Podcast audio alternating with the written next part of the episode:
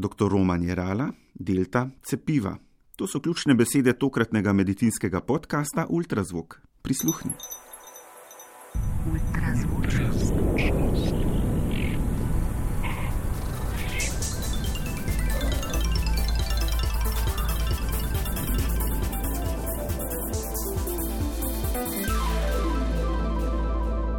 Ultrazvok. Doktor Jerala, glede na stanje epidemije in cepljenja v Sloveniji, kakšno je vaše sporočilo? Na kaj želite opozoriti, ali pa če rečem, kaj nam želite položiti na srce? Mislim, da je sporočilo zelo jasno in enostavno, torej cepimo se. Torej, vemo, da epidemije še ni konec, čeprav smo jo formalno ustavili in smo v trenutnem zatišju, ampak mislim, že grozi trka na vrata druge. Uh, različice virusa, ki že povzročajo precej problemov blizu nas, nekaterih eh, sosednje države in ni dvoma, da bo to prišlo tudi v Slovenijo.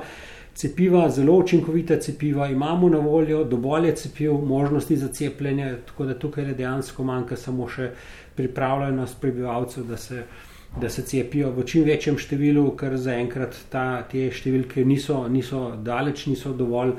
Eh, dovolj visoke in z tem deležem ljudi, ki eh, še niso zaščiteni, eh, so lahko seveda tudi posledice, kar pomeni, ki pa jih bojo občutili vsi. Ne? Na zadnje, najbolj tisti, ki jih direktno zadane, lahko tudi smrt, lahko dolgi COVID. Posledice vsi bomo pa seveda občutili. Zapiranje, dodatne omejitve, zato ker bo kljub samo potrebno zaščititi vse ljudi, ki se, ki se niso cepili in bodo bodo zelo verjetno zboleli. Kljub temu pa povejva to dobro novico, da vse kaže, da mRNA cepivi proti COVID-u, Pfizer, verjetno tudi Moderna, zelo dolgo ščitita proti okužbi. Težko neposredno rečemo, koliko časa bo trajala zaščita, brez da bi enostavno čakali dolgo časa, lahko pa na to sklepamo indirektno in sicer tako, da so pogledali v bezgavkah, kakšne, kakšne, kje, če so dejansko tam spominske celice in so odkrili, da v bistvu zelo dolgo ostanejo močno aktivne in to so tiste celice, ki zagotavljajo dolgotrajno zaščito. Tako da nekateri optimistično menijo, da, da mogoče bo, bo celo doživljenjska zaščita, vsekakor pa pa za več let, ker je to odziv, ki je značilen za tiste cepiva, ki res zelo dolgo eh, delujejo. Kot ste rekli, to so testirali zaenkrat samo na pacijentih, ki so bili cepljeni s cepivom uh, Pfizer BioNTech, eh, zelo verjetno skoraj identično drži tudi za tudi za uh, cepivo uh, Moderna mRNA. Jaz mislim, da je zelo verjetno, da bo držalo zelo podobno tudi za ostale cepiva, mogoče nekoliko manjši meri, to je potrebno preizkusiti, ampak zaenkrat celo kaže, da ne bo potrebnih niti dodatnih poživitvenih odmerkov, kar mislim, da je zagotovo zelo dobra novica. Kaj po povezavi s to dolgotrajno zaščito pravijo študije?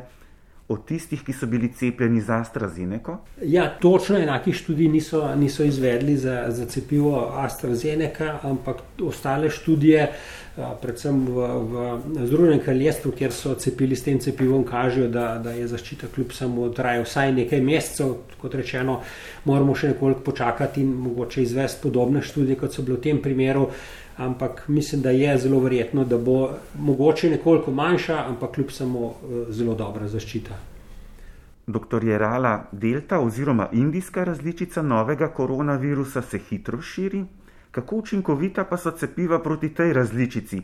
Kaj kažejo izkušnje in pa raziskave iz Izraela in pa Velike Britanije? Torej, raziskave eh, kažejo, da cepiva eh, da je učinkovitost cepiva nekoliko slabša, ampak kljub temu zelo dobro zaščiti, predvsem pred hospitalizacijo. Torej, tam vsa cepiva zaščitijo očitno več kot 90 odstotkov, mislim, 92 odstotkov za AstraZeneca, 94 odstotkov za Pfizer.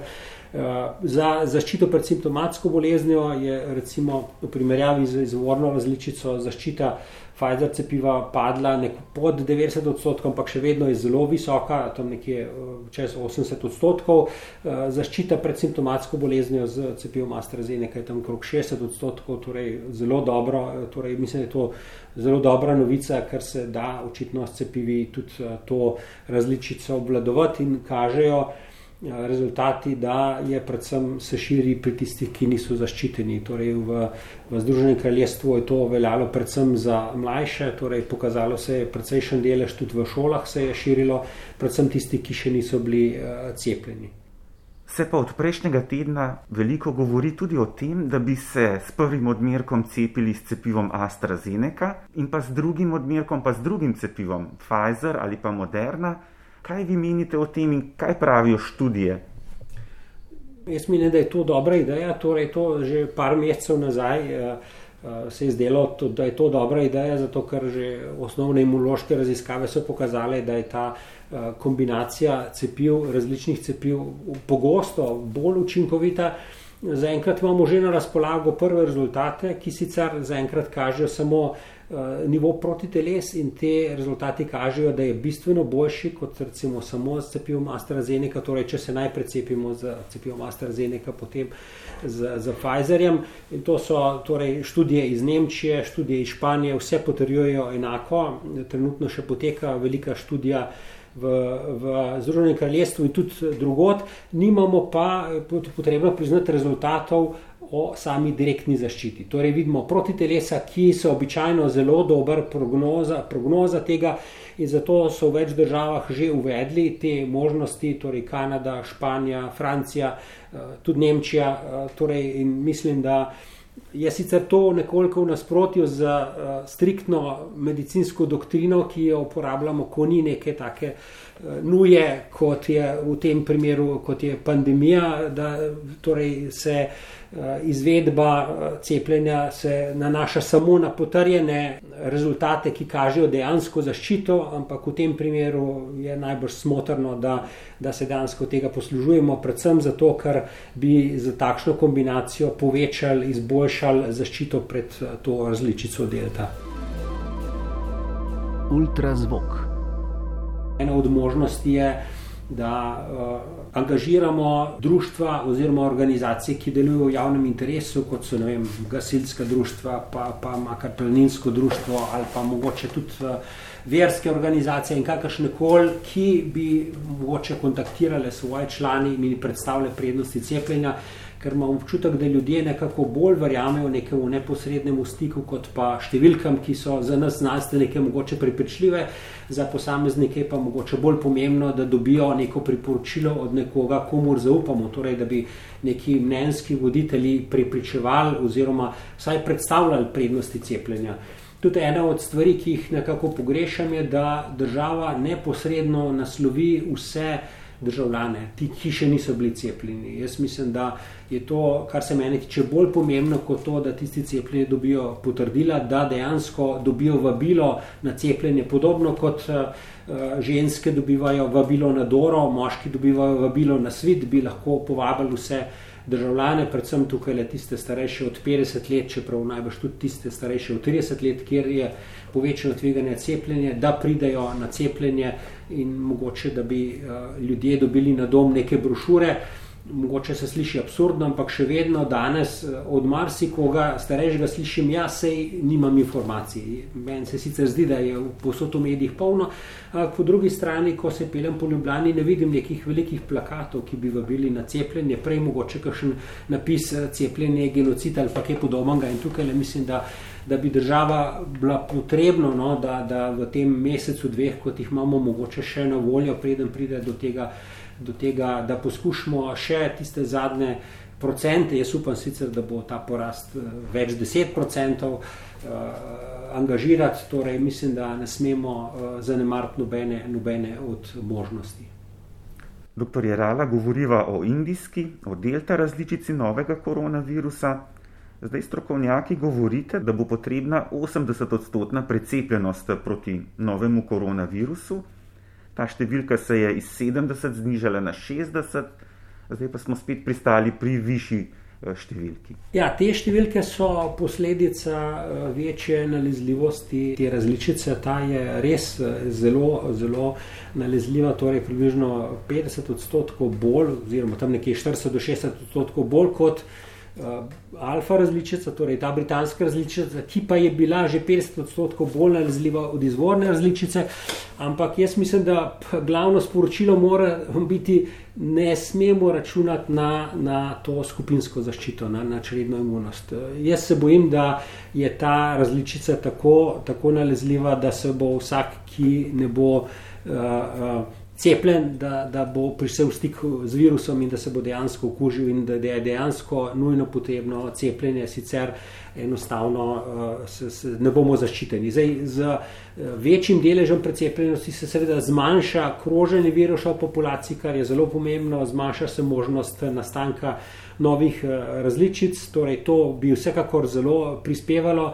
Ampak 80 eh, odstotkov vemo, da je zelo visoka številka, ki je v bistvu mogoče kvečemu Malta, da je dosegla eh, oziroma da jo dosega.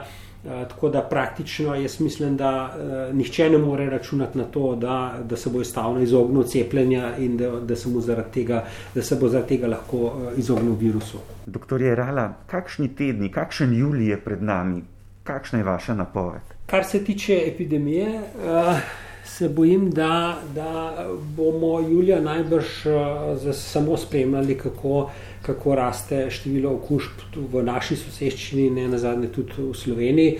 Vemo, da se je ta različica delta bolj nalezljiva razširila v več držav, uh, ki so se že obarvali rdeče. Tako da jaz upam, da, da bomo spremljali julij, v katerem bo ponovno zrasel interes uh, ljudi za cepljenje. Uh, ker mislim, da je zelo pomembno, da eh, pravočasno reagiramo, torej predvsem glede cepljenja, ampak po drugi strani pa moramo tudi uh, spremljati, koliko se le da, da se čim bolj omeji uh, širjenje tega virusa v populaciji. Mislim, da spet uh, naj za spremlja sledi kontakte, uh, kot vem, NLZO bo določil sekvenco prav vseh, ki so okuženi, kar je zelo izjemno dobro, tudi v svetovnem merilu in mislim, da bomo na ta način lahko uh, zelo hitro spremljali, upam, da tudi omejevali, ampak moramo si naliti čistega vina, eh, na ta način lahko samo upočasnimo širjenje, eh, zaustavimo, preprečimo ga lahko pa v bistvu samo s cepljenjem. Doktor Jerala, hvala lepa za pojasnila in pa informacije. Hvala vam z veseljem. Nasvidenje, srečno. Nasvidenje.